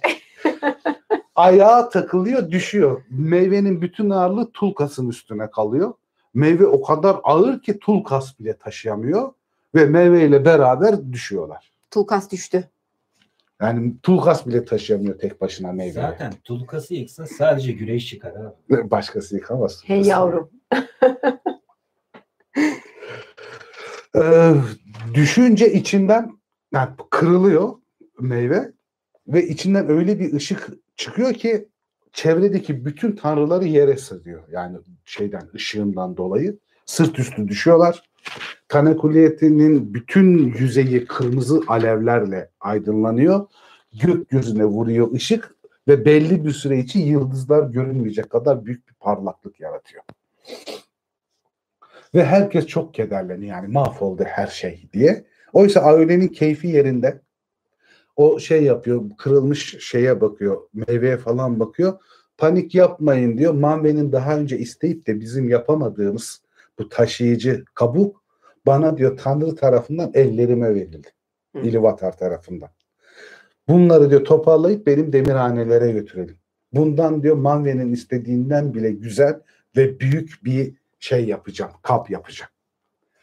Ve o sırada eğilmiş altınlardan sepetler yaptılar deniliyor ve içindeki öz suları da e, işte çekirdeğini de dışarıdaki kabuklarını da o meyveye ait ne varsa şey yapıyorlar. Dolduruyorlar ve Aule'nin meydanına götürüyorlar. Aule de gene Varda ve Noldolileri yardıma çağırıyor. Orada birkaç tane kalmış mücevher ustasını. Onlarla beraber şey yapmaya başlıyor. O kusursuz kabuklardan yeni bir tekne yapmaya yani bir kap yapmaya başlıyor. Işık gemisini abi. Işık gemisi yapıyor. Ve e, bununla uğraşıyor yani. ve o kadar güzel, o kadar dayanıklı bir şey yapıyor ki havadan bile hafif yani şey yaptığın zaman, bıraktığın zaman yere düşmüyor. Yer çekimiyle şey yapmıyor. Ona rağmen de altın ışığı bile hiç zorlanmadan taşıyacak ve ona dayanacak, erimeden, duracak, kırılmadan duracak kadar sağlam bir şey. Ve bunu da eski Varda'nın yıldızları yaptığı gibi kocaman bir gemi şeklinde yapıyor. Dev bir gemi şeklinde yapıyor. Ama bir tüy hafifliğinde. bir tüy hafifliğinde. Kendi kendine uçuyor zaten yani şey yere değmiyor. Auli'nin en havalı işi herhalde bu. O zamana kadar yaptığı en büyük işti diyorlar Evet. bu teknik için. En güzel işti. Ve şey yapıyor o kırılan kabuklardan ana gövdeyi oluşturuyor. O gövdeyi de diğer kırılan kabukların içine koyuyor. Böylece çift kat oluyor ve şey zarar görme ihtimali ben yok olmuş. Yani yeryüzündeki en dayanıklı nesneyi oluşturmuş oluyorlar bu şekilde. Göklerin gemisi olmuş. Yani anlıyor. Gemi ağzına kadar altın ışıkla dolduruluyor. A- İnanılmaz bir parıltı falan tabii yani şey e, fena bir ışık var o sırada gözleri kamaştırıcı bir ışık var. Son meyvenin öz suyundan damlalar da içine dağıtılıyor. Böylece daha kırmızımsı ve daha sıcak bir hale getiriliyor. Çünkü o şey öz suyu o kadar aşırı sıcak ki e, dayanılır gibi değil yakın çevresinde durmak bile. Ama o kap o ısıya da dayanıyor. Gemiyi yerde tutmak çok zordu diyor Tolkien. O kadar zordu ki onu bir şeylerle bağladılar. An- Ancak bağlayarak havalanmasını engelliyorlarmış. Yakalanmış bir kuş gibi çırpınarak kaçmaya çalışıyordu gemide. Ardından gemiye isimler verildi. Tanrılar güneş anlamına gelen Saridiler. Elfler ateş anlamına gelen Ur. Ama e, daha sonra da pek çok ad verildi. Tanrılar e, Vana'nın gözyaşları ve saçları için bak o meseleyi unuttuk. Vana da bu gemiyi yapıldığında e, kendi aceleciliği, hoyratlığı ve huysuzluğu için tanrılardan özür dilemek için yani e, bağışlanmak için demeyelim de bir jest olarak bunun mahcubiyetiyle saçlarını kesiyor ve şeye veriyor. Gemi yapımında kullanılsın diye veriliyor, veriyor ve o saçlardan geminin yelkenleri yapılıyor. Derdi Vay, bitmedi kıyamam Ve, ve altın halatlar yapılıyor o şeylerden, e, saçlarından. Gemi o saçların tek bir teli bile örümcek ağı inceliğinde olmasına rağmen en sağlam, en dayanıklı, en fazla ağırlık çeken e, sağlamlıkta yapılıyor. Hiçbir şey ona zarar veremiyor. O ışık bile zarar veremiyor. O kadar kuvvetli ve bunun yanında da en önemlisi hafif oluyor. Uçmasını engelliyor. Abi bu metinden çıkarılmış mı? Yani neden böyle ara paragraf şeklinde yazılmış? Ara burası? paragrafı şey için yapıyor işte. e, hikaye çok uzun, Hmm, kısaltın, daraltın diye. O bunu muhtemelen sayfalarca anlatmış Hmm, Tolkien. anladım. Ama altına da not düşmüş. Bunun kısaltılması, toparlanması lazım diye. Oğlu da o notların e, izinde bu bölümleri daraltmış ama oradaki temel yapılan bütün işleri dahil ettim diyor. Yani eksik Hı hı. bir şey yazmadım. Sadece daralttım. Bir de abi bu güneşe sarı dediler diyor ya bizim sarı ile yani sarıyla Sarı bir bağlantısı var mıdır acaba diye Bilmiyorum ki. düşünmeden Yani edemedim. Belki de. Zannetmem. Ya. Ama tabii sarı kök olarak nereye bağlı bilmiyorum. Ben de hangi bilmiyorum. dil ailesine bağlı. Belki onu- dedim sen biliyorsundur. Yok onu bilmiyorum. Yani sarı Ama işte diğer dil ailelerinde de mesela işte güneş, san, İspanyolca diyorlar. Soler. Soler. Solar diyorlar. Bir- Yani hep bu şeyle ilgili. Evet altınla aynı da var. bakmak Mesela lazım. Borges'in bir kitabı vardır. Altın diye de çevrilir, güneş diye de çevrilir. Aynıdır o ikisi. Neydi hatırlamıyorum. Unuttum şimdi. Hatta güneşin kaplanları ve altının kaplanları diye iki ayrı çevirisi var onun. Şiir kitabı. Tanrılar Vana'nın gözyaşları ve saçları için ona Vana'nın nambası dediler. Gnomlar, Noldorlar ise dünya üzerinde gördüklerinde altın ışıldayan Galmir, altın gemi Gloredest ya da alevlenen tekne Braklorin adını verdiler. Daha pek çok isim veriliyor. Pek çoğu da diyor Lindo zaman içinde unutuldu, terk edildi o isim. Moğolcadan geliyormuş abi bu arada. O sırada ona da baktım. Hiç duymamıştım. Kalyon inşa edilirken de çok akıllıca bir hamle yapıyorlar. Hı hı. Ve e, ağaçların orada dev bir hav- havuz yapıyorlar. Geri kalan bütün elfler ve tanrılar ve tanrıların mahiyeti dev bir havuz burası. Havuzun zemini altın, Duvarları da parlatılmış bronz. doğu yönü dışında diğer her yeri e, kapalı bu havuzun. Sadece doğu girişi var. Orada da e, doğu girişinde e, neydi? Ne ağaçlarıydı onlar? Porf abi. Geçelim burayı. Ben hemen Doğru. bulacağım. Ee, ağaçların üstüne yani dev sütunların üstüne ateşten bir çatı yapıyorlar. Doğu tarafı açık. Samur ağaçlarıydı herhalde. Ondan bir şey yapıyorlar. E, direkler yapıyorlar. Ve içini de e, o son meyvenin öz sularıyla dolduruyorlar. Ona da ateş bonyası diyorlar. E, e, Tanya Salpe, ateş kasesi ya da Faskala Numen, batan güneşin banyosu diyorlar. Urvendi doğudan döndüğünde ilk gün batımı Valinor'da çöktükten sonra güneş gemisi bu havuzda saklanıyor. Ee, aydan sonra rotasına dönene kadar da bu limanda aydınlığı tazelenmek bekliyordu diyor. Tabi bunu daha sonra anlatacağız. Henüz o kısma gelmedik. Az sonra. Az sonra. bu ateş mez- mezarı harikuladeydi. Çünkü ne e, gökyüzüne dökülüyordu yani dışarı taşıyordu ne de yeryüzüne yapışıyordu. Orta katmanda duruyordu havuzun içinde hafifçe bir şekilde. Dışarıda taşmıyordu, içeri de yapışmıyordu ve inanılmaz bir sıcaklığa ve e, çok büyük bir aydınlığa sahip olmasına rağmen sadece çevresinde bir çember şeklinde aydınlatıyor. Çünkü duvarların ötesine çıkmıyor. O duvarların arasında kalıyor şey havuzun doluluğu da. Böylece kendi orada lokal bir aydınlatma da yapmış oluyor. Bütün Valinor'u olmasa bile. Sonra gemiyi hayranlıkla izleyen Manve bu yapılan muhteşem şeyi çünkü bir gemi şeklinde yapılıyor ve bu geminin direkleri de komple altından yapılmış. Manve evet. En akıllıca soruyu soruyor abi. Nerede diyor dümenin başına evet, geçecek? Peki diyor biz bunu diyor kim yönetecek diyor. Güneşi kim yönetecek diyor. Hani aramızda diyor hiçbir tanrı diyor. Biz tanrılar bile diyor bu ısıya ve ışığa uzun süre dayanamayız. Hani biz yapamayız bu işi. Kim yapabilir? O sırada da Lorien ağacının e, bakıcısı konumunda olan e, Urvendi gönüllü oluyor. Sanki diyor İlivatar diyor beni bu görev için yaratmış gibi hissediyorum diyor. Ben bu göreve talibim diyor. Ben onun dümencisi olmak istiyorum falan diyor. Manve de e, bunun hani o ışığa ve ısıya dayanabiliyorsa olabileceğini söylüyor. Urvendi yanında diğer e, bakireleriyle beraber e, o şeye e, havuza gidiyor ve üstlerindeki her şeyi çıkartıyorlar. Çıplak bir şekilde hepsi sırayla havuza giriyor. Havuzdan çıktıklarında bütün tenleri o öz suyuyla beraber kaplanmış durumda. Neredeyse tamamen ışığa dönüşmüş durumdalar. Hepsi ve bir süre tanrılar onları şey yapamıyor, göremiyorlar. Hani görünmez gibi oluyorlar ışıktan. Daha sonra gözleri alışınca onların silüetlerini falan hissediyorlar. Bütün o bakilerle beraber Urvendi başta olmak üzere gemiye doğru sessizce yürüyorlar. İnanılmaz derecede güzel kadınlar, kızlar bunlar zaten bu havuza girmeden evvel o girdikten sonra daha da güzelleştirdiklerini ve hayranlık verici derecede e, hoş olduklarından bahsediyor Tolkien.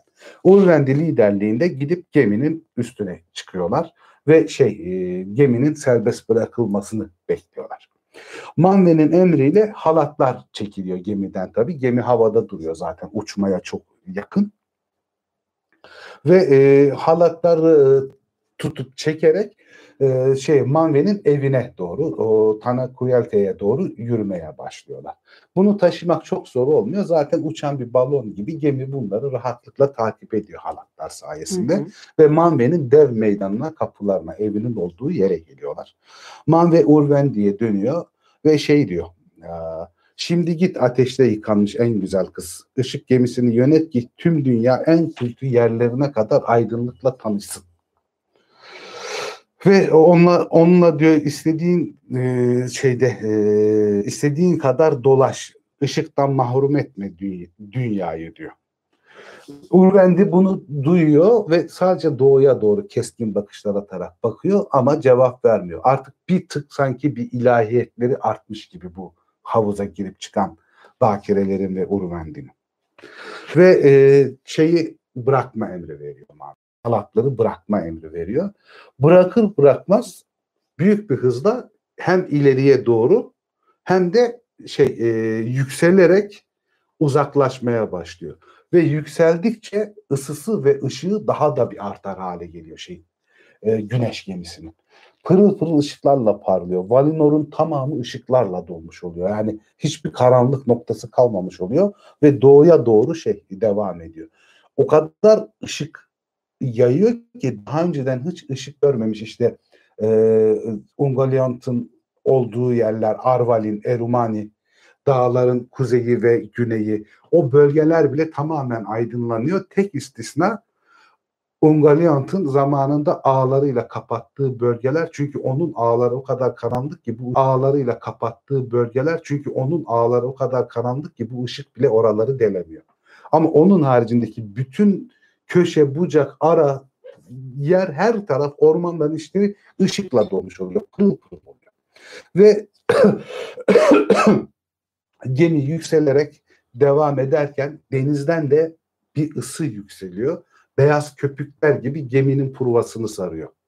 Yalnız gemi o sarılmış olmasına rağmen köpüklerle hiçbir zorluk çekmeden aynı hızda doğuya ve yukarıya doğru ilerlemesine devam ediyor.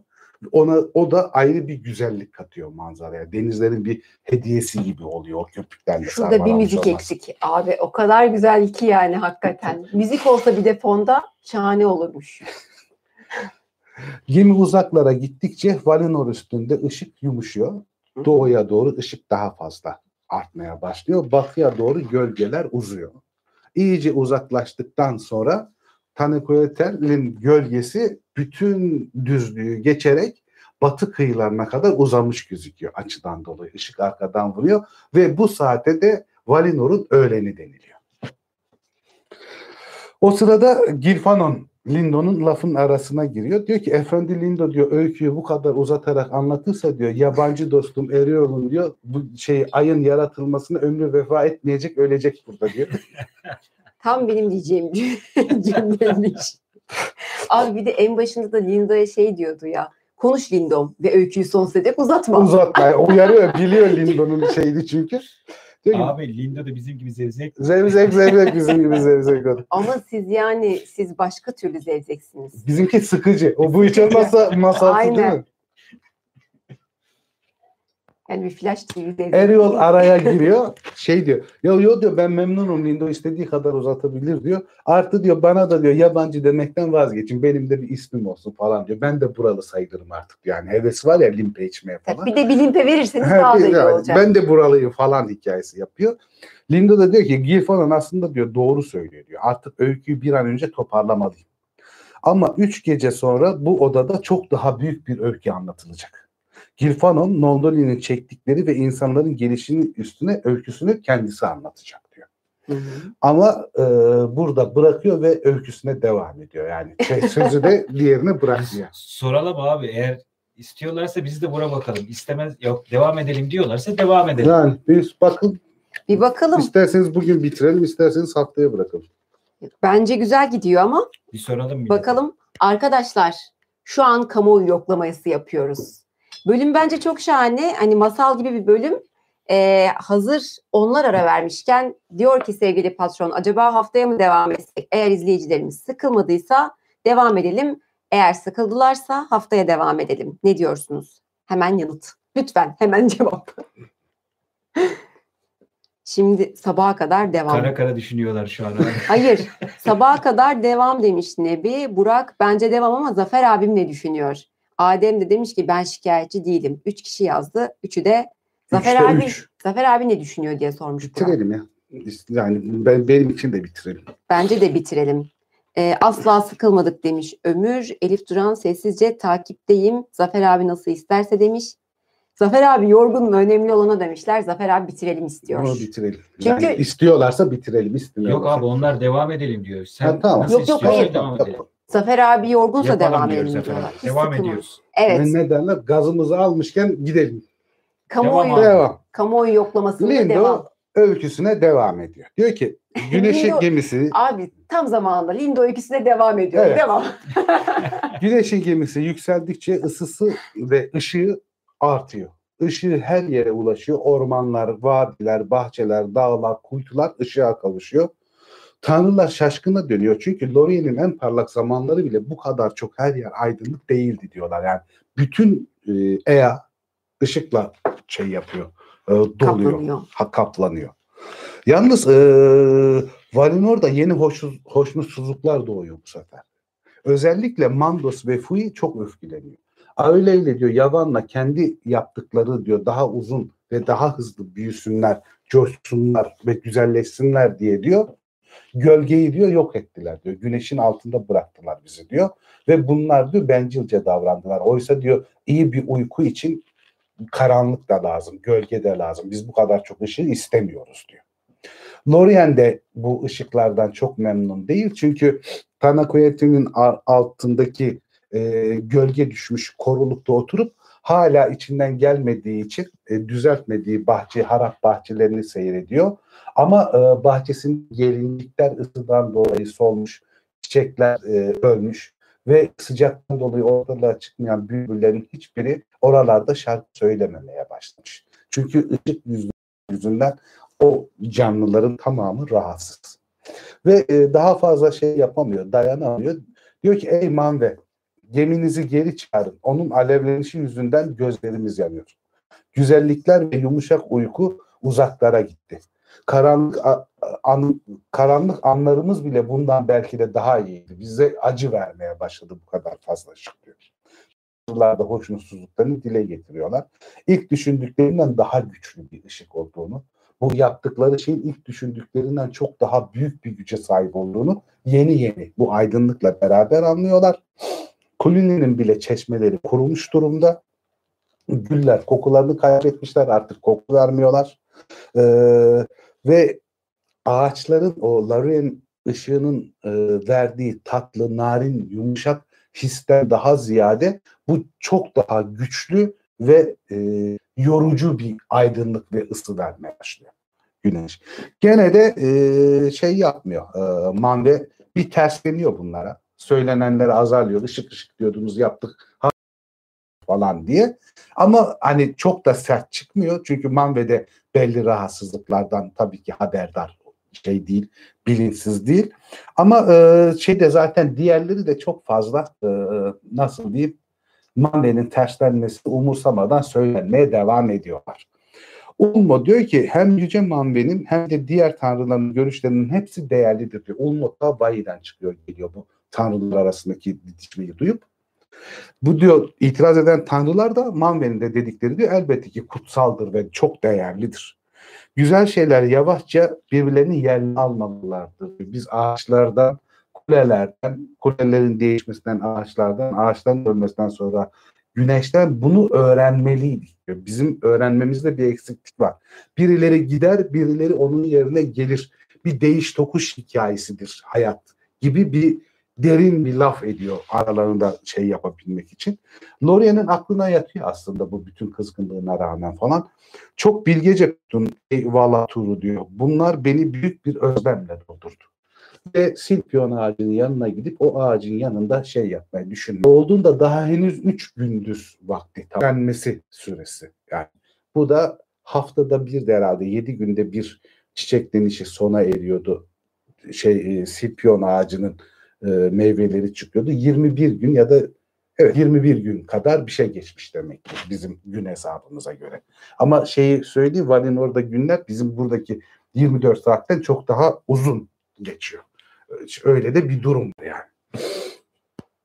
Ve e, 4 gündüz boyunca daha şeyde yani bir 28 gün boyunca da o silpion ağacının yanında kurumuş gövdesine yaslanarak diyor ki yani Yavanna'nın büyüsü Vana'nın gözyaşları sadece diyor altın ağacı canlandırma yetmesi garip değil mi? Yavanna'nın büyülerinin diyor yararı tek bir ağaca ulaşmış olması ters bir durum.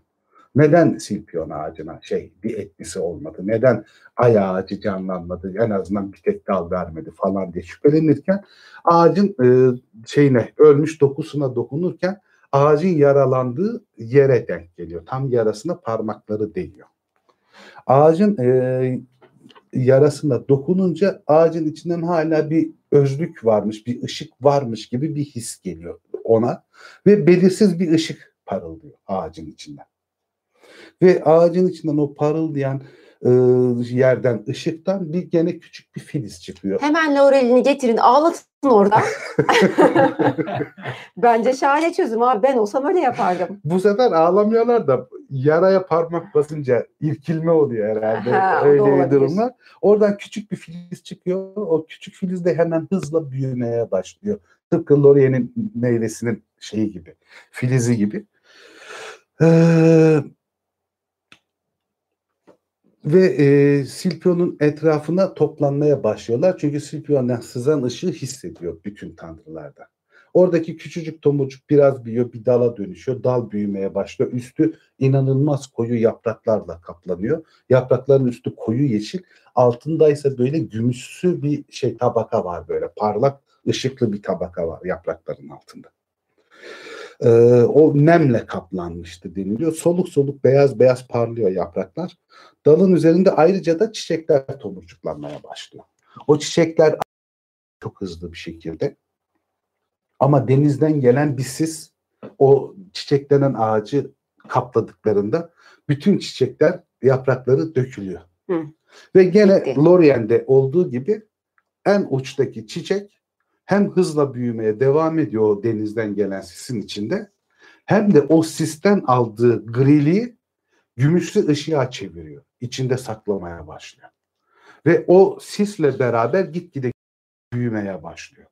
Lorien gene benim bu çiçeklerimi kopartacaklar falan diye düşünüp Aule ile Tulkas'ı oralara sokmayacağını, kimseye yanaştırmayacağını söylüyor. En doğrusu bahçe bozuyorlar. Yalnız ondan sonraki cümle şu ve bunun ne kadar büyük bir hata olduğunu hayatı boyunca acısını çekerek fark etti diyor. Ama bahçeyi bozuyorlar. Bahçeyi bozuyor.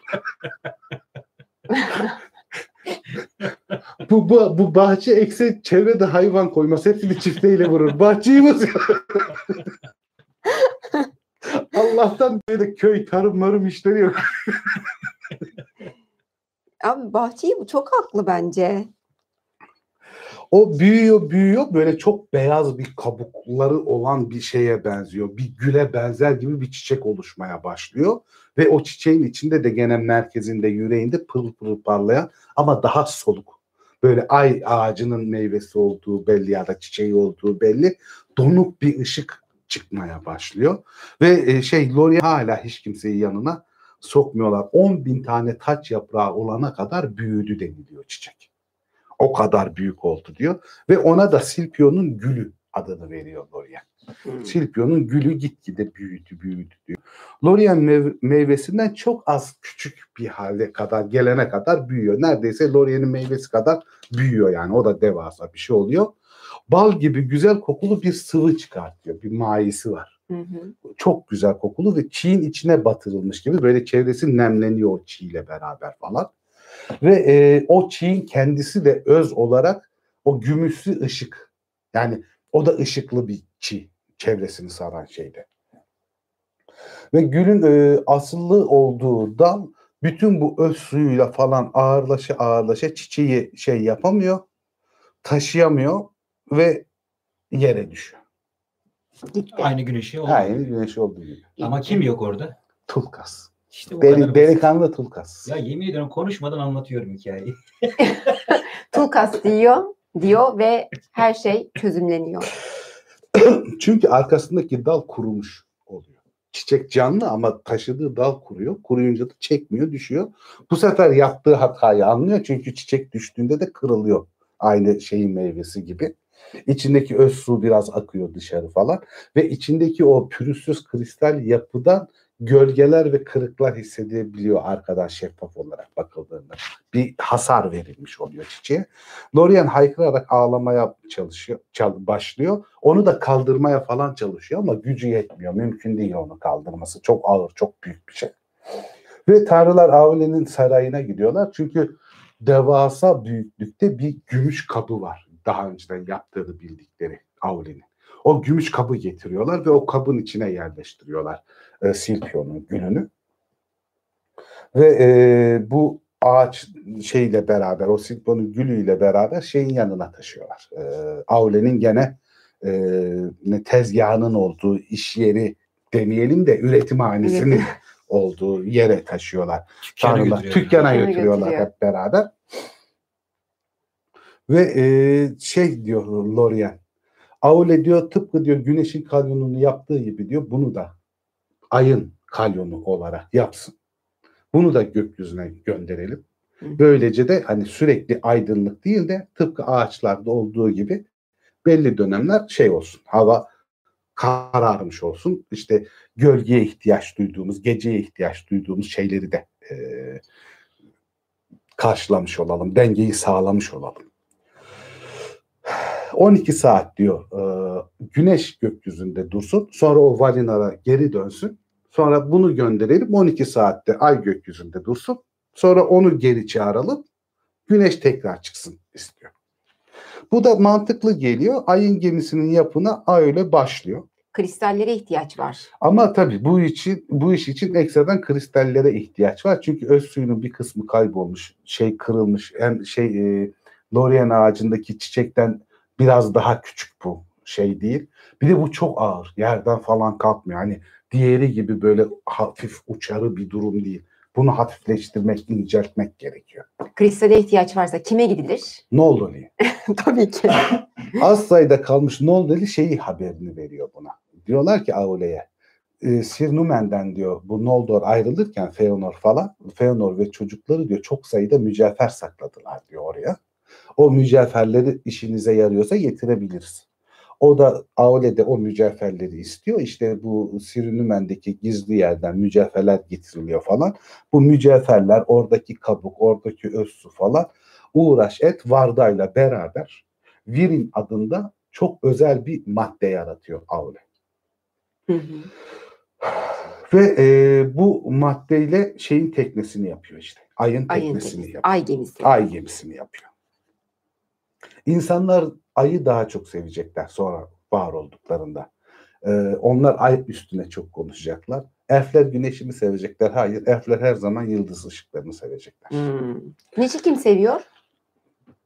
Güneşi herhalde şeyler Evet, seviyordur. orada güneşin faktörü şey. Melkor sevmiyor. Melkor sevmiyor. Aynen. Melkor sevmiyor.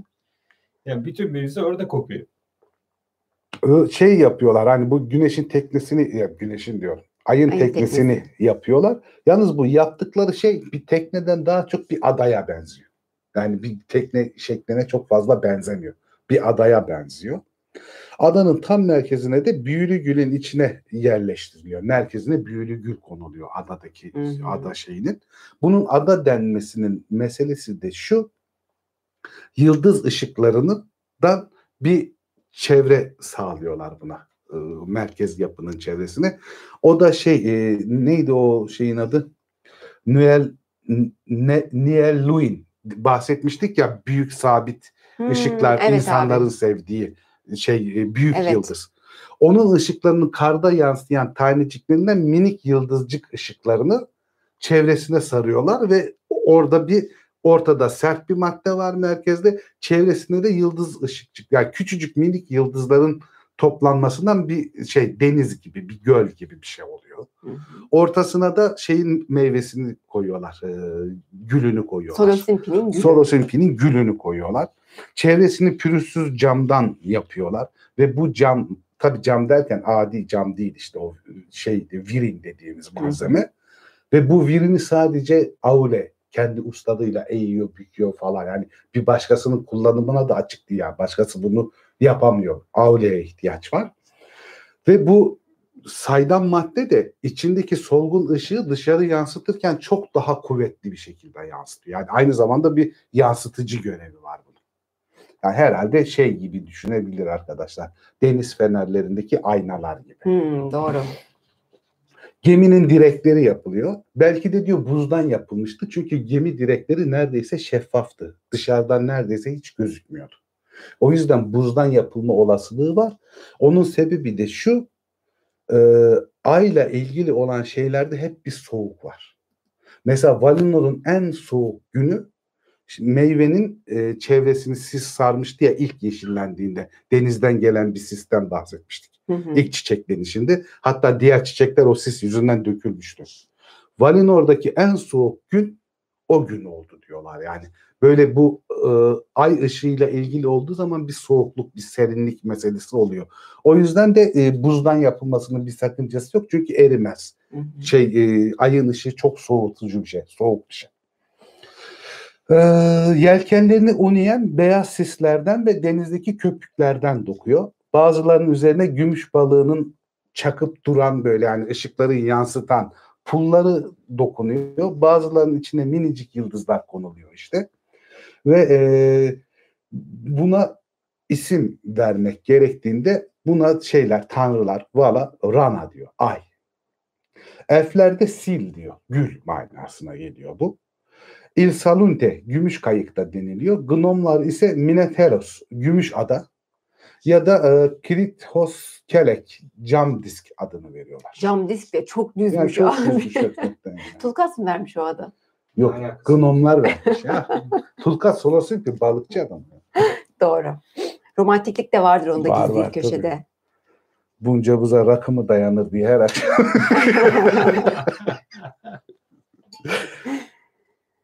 Ee, Silmo'da tıpkı hani nasıl Örvendi Güneş'in bakıcı, Lorien'in bakıcısıysa e, Silmo'da a- şey ay ağacının bakıcısı olduğu için bunun dümencisi olmak istediğini söylüyor Manve'ye. Ama Silmo şey değil, e, Manir ve Süril soyundan yani Manve'nin hava e, perilerinden, hava e, ruhlarından olmadığı için zaten şey yapamaz. Hani bu gemide bulunamaz. Havada yaşayamaz.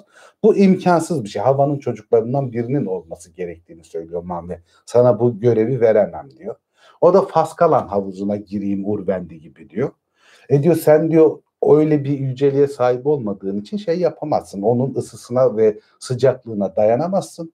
De ki sen dayandın onunla beraber çıktın. O zaman da geminin direkleri ve bu soğukluk buna dayanamaz. Eritirsin dış halkayı falan. Şey ayın batmasına sebep olursun. Bunu şey yapamazsın diyor. O yüzden de Surili perilerinden önemli bir ruh olan ve bu kabın yapılmasında Aule'ye bizzat yardımcı olan ilin soru dümencisi olarak atıyor ay, Hı hı. ay gemisini. Gümüş ve onunla beraber de Sureli ruhlarından belli bir kısım var. Tıpkı güneş gemisinde olduğu gibi. Onlar gümüş ve beyaz elbiseler ya da en soluk renklerdeki elbiseler giyerek şeye ay teknesine biniyorlar. Bunlar çıplak olarak bilmiyor yani. Önemli bir detay. Burada şey var, güzel bir detay var. Evet. Şey diyor ama saçlarına aklar düşmüş. Valinor'da yaşayan en yaşlı elflerden biri hiç kimseye çaktırmadan o merkez adacığa konulan e, şey gümüş ağacının gülünü oraya diyor bir elf saklandı diyor. Onu diyor kimse görmedi, fark etmedi o zamana kadar. Bu İlginç. elfin adı da e, Oale Kuivino. Buna daha sonra Ay'daki adam diyeceğiz. Hmm. Bu hep orada duruyor. Hiç oradan gitmiyor. Hatta ayın yanına bir tane kule yapıyor. O bazen kuleye tırmanıyor. Oradan şeyi yeryüzünü falan Ya, izliyor. Roverandum'daki aydaki Onu adam diyeceğim. bu mu? Evet, Roverandum'daki aydaki adam hikayesi bu işte. Vay, Bir de çok şan güzel şan. bir şiiri vardır. Aydaki adam yere düştü diye. Tolkien'in. Orada da Uylo Kuiviyen şey yemeye, turta yemeye aydan aşağı düşer. Turta ister, kayısı turtası yiyecektir falan diye böyle tatlı bir şiir vardır. Ama bu Roverandum'daki adam ve Roverandum'daki adam da o şiirdeki adam. Yani bunlar hep aynı harf yani. Aa, süpermiş abi bu detay. Evet. Ona hakikaten. diyorlar aydaki adam derler. Yalnız yıldızları kovalayıp yakalamayak isteyen aydaki adam olmamış İlinsor olmuştur. Yıldız avcısı İlinsor olmuştur. Lorien'in başta söylediği plana ister istemez uyamadılar. Yani onların dediği gibi 12 saat o 12 saat o falan şeyine geçemediler. Çünkü bu ne kadar inceltilmiş, hafifletilmiş de olsa bu gemi yerden kalkmayacak kadar ağır. Bu güneş gibi değil. Şey yapamıyor. Uçuşamıyor yani. Çok şey e, zor bunu havada tutmak falan. O yüzden hani çok ağır ve çok daha az ışık var bunda. Yani güneş kadar yükseğe çıksa muhtemelen yıldız ışığından daha fazla bir ışık veremeyecek. O yüzden daha alt tabakalarda şey gezinti yapması gerekiyor. Hı hı. Tanrılar e, adayı göğe gönderdiklerinde yükselmiyor. Gül ışık gibi bir bal üretmeye devam ediyor çünkü Silpion'un gülü. o kokulu bal gibi sıvıyı üretiyor ve bu zamanla o kadar çok doluyor ki bu sefer geminin şeyin içini dolduruyor ağırlığıyla beraber gemiyi temelli aşağı çekiyor. Hiç havalanmamasına neden olacak. O yüzden de diyorlar biz bunu ara ara gönderip geri çevirmemiz lazım ve bu sırada o ışıkları da toplamamız lazım. Hani boşa Tabii. atacak değiliz. Çünkü karanlık günler bir gün geri gelirse oradaki ışıklardan faydalanırız. O ışıkları bir yere toplarız ve yeni gelirse o ışıkları kullanabiliriz. Gülün şeydi çiğlerini kullanabiliriz diyor. diyorlar. Ve bu yüzden de Valinor'un karanlık güneyinde Ungoliath'ın e, mağaraların olduğu taraflarda e, dayanıklı bir havuz yapılıyor. Duvarları gümüş ve beyaz mermerden bir havuz ve dışına da işte porsuk ağaçlarından labirent şeklinde bir şey yapılıyor. Koruma yapılıyor giriş yerine ki kimse oraya giremesin. Sadece ayın teknesi oraya yanaşabilsin diye. Oraya ayın teknesinden aldıkları e, o suları da biriktire biriktire Lorien orada İrtinsa Gölü denilen ay ışığından oluşmuş bir göl, göl oluşturuyor zaman içinde. Artık daha dikkatliler. Artık daha dikkatliler, daha tasarruflular. İnsanlar 14 gün boyunca ayı izlerler diyor gökyüzünde. Ama 14 günün sonunda oraya kendi limanına yanaşmak zorunda. Çünkü havada kalamayacak kadar ağırlaşır ay içinde dolan çiğ ile beraber. O yüzden 14 gün ayı izlersin, 14 gün gökyüzünde ayı göremez. Hani Hmm. şey işi. Bu hilal ay, yarım ay, dolunay hikayesini de şu şekilde e, anlatıyor Tolkien burada. Şöyle bir masalsı bir nedene dayandırıyor. Diyor ki e, ay diyor gökyüzünde rahat durmazdı. Hareketliydi. Çok dengeli değildi falan. O yüzden diyor bazen diyor sadece dış çemberinin yuvarlaklığını, bazen kış tarafını, bazen de purvasını görürdük. O yüzden de diyor ay diyor hani ara ara dolunay gibi dursa da şey değildir. Ee, her zaman bu şekilde göre, göremeyiz 14 gün içinde. Rana havada kabarıp çalkalanırdı. Ve e, şey e, bu yere düştüğünde bir şeyden hasar gördüğünden bahsetmiştim ya. İşte Evet. tamamen ayın pürüzsüz olmaması çok dikkatli bir dolunaya bakınca üstündeki çizikler gibi kırıklar gibi şeyler işte Kraterleri ona mı kraterlerde düştüğünde oluşmuş. O da gören gözler tarafından fark ediliyor. Hatta Lorien bunun için hep pişman işte. Yani kendi güzelliğinden bir şeyler kaybetti diye düşünüyor. Hatta aydınlık bir gökyüzünde dolunayda merkezine çok iyi bakarsan ayın içindeki adamın bile orada uyuduğunu görebilirsiniz. Vay. Vay be. Her ayrıntı hakikaten ince ince işlenmiş. Bayağı şey yapmış yani ne derler günümüz ayına da yani bizim anladığımız aya da bir şekilde bağlantılı hale Doğru. getirmiş. Çok güzel yazmış abi. Ilinsor tekneye çıkıyor yanında diğer şeyle hava ruhlarıyla beraber bir kısım hava ruhu. Tabi tamamı değil ama Tanıkoyatile doğru bunu da tıpkı e, güneş teknesi gibi oradan gökyüzüne bırakacaklar. Yalnız bu çok ağır olduğu için çok ağır ilerliyorlar Tanıkoyatile'ye doğru. Halatlarla falan çekerken çok ağır çünkü gemi. Doğru düzgün havada durmuyor zaten o kadar ağır. Ama bunu da şu şekilde Orane çözüyor. En büyük ve en güzel beyaz atlar, yabani atlar sürüsünü oraya getiriyor ve atları şeye koşumluyor. Gemiye halatlarına koşumluyor Hı hı. ve o atlarla beraber aynı şeyin e, bırakıldığı, serbest bırakıldığı, güneş teknesinin serbest bırakıldığı yere kadar getirmiş oluyorlar. Ve o geldiği zaman e, güneşte doğuda, en doğuda, en uzaklardaki bölgede e, duruyor. En doğuya kadar gitmiş. Ve e, şöyle bir durum var. Güneş kafasına göre dolandığı zamanlar o zaman. Çünkü Manve henüz hangi rotada devam etmesini Urven diye şey yapmamış, söylememiş. Bir nota belirlenmemiş ya da gün belirlenmemiş o sırada. O yüzden de Urvenli kendi kafasına göre istediği şekilde dolanıyor. Ana rota belli yani doğudan batıya, batıdan doğuya git gel. Kuzeye, güneye çok yaklaşma diyorlar. Ve e, o ışıklar da sisli denizler, e, gölgeli denizlerin falan üstüne vurmuş.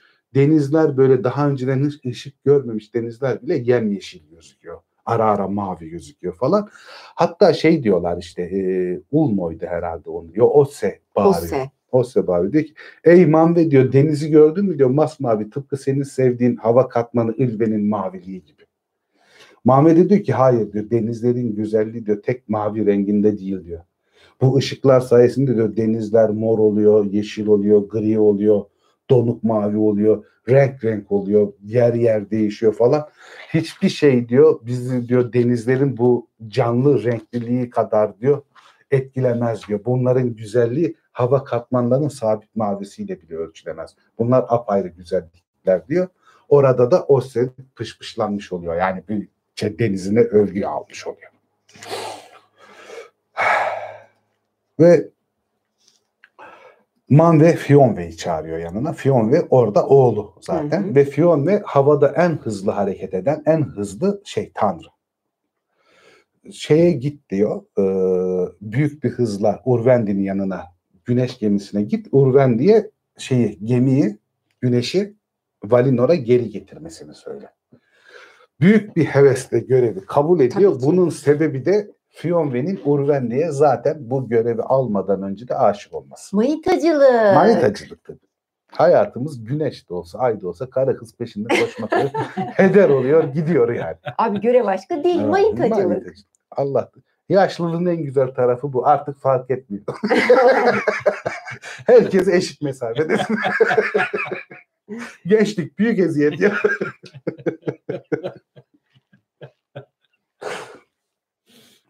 Urvendi'nin yanına fırlıyor gidiyor tabii onu da görebilmek için ki şeyden sonra daha da bir beğeniyor zaten bu havuza Faskalene girip çıktıktan sonra daha da bir içi kaynıyor zaten çok güzel. Urvendi gönülsüzce de olsa çünkü daha gezebilirdim gökyüzünde falan diyor. Valinor'a yanaşıyor şeyle beraber geri dönüyor yani e, güneşle beraber. Bu tam geri dönüyor halatlar atılıyor Orane tarafından atlara bağlanıyor.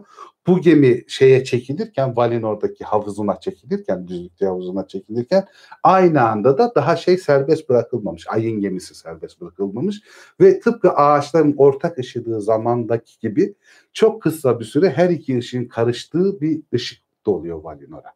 Tanrılar ona ilk başta çok memnun oluyorlar. Çünkü yani bir ağaç ışığı efekti falan oluyor. Yalnız güneşin ışığı o kadar baskın oluyor ki bu sefer ayın gemisi gözükmemeye başlıyor bir süre sonra. Güneş o kadar kuvvetli. Ve e, buna da havuza çekildiği sırada işte Valinor'un ilk güneş günün sonuydu deniliyor. Hmm. Ve şey e, havaya bırakılıyor. Halatlar çözülüyor. Yalnız bu tek başına hareket edemiyor. Zaten güneş kadar da yükselemiyor. Ee, Ay gemisi. ay gemisi ve kürekleri var bu ay gemisinin. Küreklerde de işte Sureli'nin e, hava perileri var. Onlar küreklerle çekerken geminin altına da kanatlarıyla gemiyi sürekli iten Manir hava perilerinden kişiler var. Onlar bu gezdirme işini yapmakla görevlendirilmişler. Ay da gökyüzüne salınıyor ve bu sefer yıldızların da uzaklarda göründüğü çok soft, çok güzel bir ışık oluyor ve bütün tanrılar böyle bir değişime, hani bir başka ışığın gelmesine büyük bir memnuniyet duyuyorlar. Güneş de kendi havuzuna indiriliyor ve kendi gitme zamanını şey yapıyor bekliyor. Ilinsor yalnız güneşin bu çok kuvvetli olmasını falan kıskandığı için önündeki yıldızlara falan da gıcık çekilin önümden falan diyor. Hatta bundan sonraki süreçte Ilinsor o yıldızları avlamaya çalışıyor ama yıldızlar çok akıllı ve hızlı olduğu için o bu avcılıkta çok başarılı olamıyor. Abi bu manitacılık işi bu manitacılık işi şey de Silmarillion'da daha iyiydi. Bak birçok şey hem sadece demiyorum. Geri kalan Hı hı. kısım yine burada bence çok daha masalsız ve detaylı güzel. Ama bu ayın işte güneşin ayı kovalaması hikayesi Silmarillion'da daha Evet, detaylı ve evet. güzeldi. Çok Doğru. manitacılık göremediği için üzüldüm. Biz Turkasçıyız ya. Kan Doğru. var mı diye bakıyorum. Dövüş var mı? Bundan sonra edebiyat olarak Madame Bovary'i işleyeceğiz merak etme.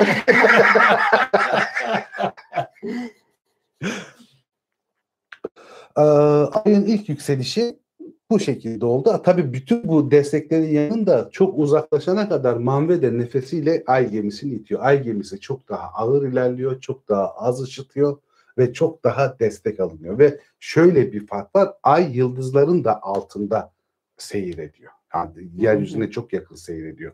Oysa güneş orta tabakanın en üstlerine kadar çıkabiliyor. Böyle bir aralarında fark var. Ayın yükse- yükselişi böyle oldu diyor ve e, işte şeyinde ilin sonunda zaman zaman bu yıldızları yakalamaya çalıştığından bahsediyor ve hikaye burada tamamlandı diyor Lindo. Eriol ne diyor? Olmaz. Olmaz diyor Erol. Sen diyor ilk başta anlatırken diyor bu aylar ayla güneş diyor şu anda senin anlattığına göre diyor batıdan çıkıyor doğuya gidiyor doğudan geri dönüyor. Bizim ay gibi diyor bizim güneş gibi diyor doğudan doğup batıdan batma hikayesini anlatacağına söz vermiştin diyor. O da diyor ki ben böyle bir söz verdim hatırlamıyorum diyor.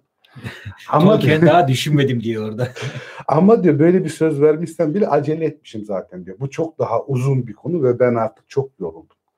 Bu konulara diyor daha sonra döneriz. Daha başka bir zaman anlatırız ama bu hikaye anlatma işi diyor devam edecekse diyor eşim Vayre diyor "ba- benden bu yükü alabilir. O hikayeyi anlatmaya devam edebilir diyor. Buna çocuklar çok seviniyor. Çünkü çocuklar oyun odasında, oyun kulübesindeki çocuklar en çok Vayre'nin anlattığı hikayeleri ve onun anlatım şeklini seviyorlar. Ve Vayre de diyor ki bugün bakın anlatacağım öyküler derin günlere dairdir. Ve ilkine Valinor'un saklanışı denir diyor ve bölüm burada bitiyor.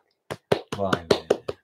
Bravo. Benim fikrimde abi bu bölümü ben Silmarillion'da da bu bölümü çok beğenmiştim. Güneş ve Ay'a dair miydi? Güneşin ve Ay'ın oluşumuna dair miydi? Tam hatırlayamıyorum tam ismini. Ben çok beğenmiştim. Oradaki tam manitacılık hikayesiydi hakikaten ama bu daha masalsa. Bu çok masal. Çok daha detaylı. detaylı.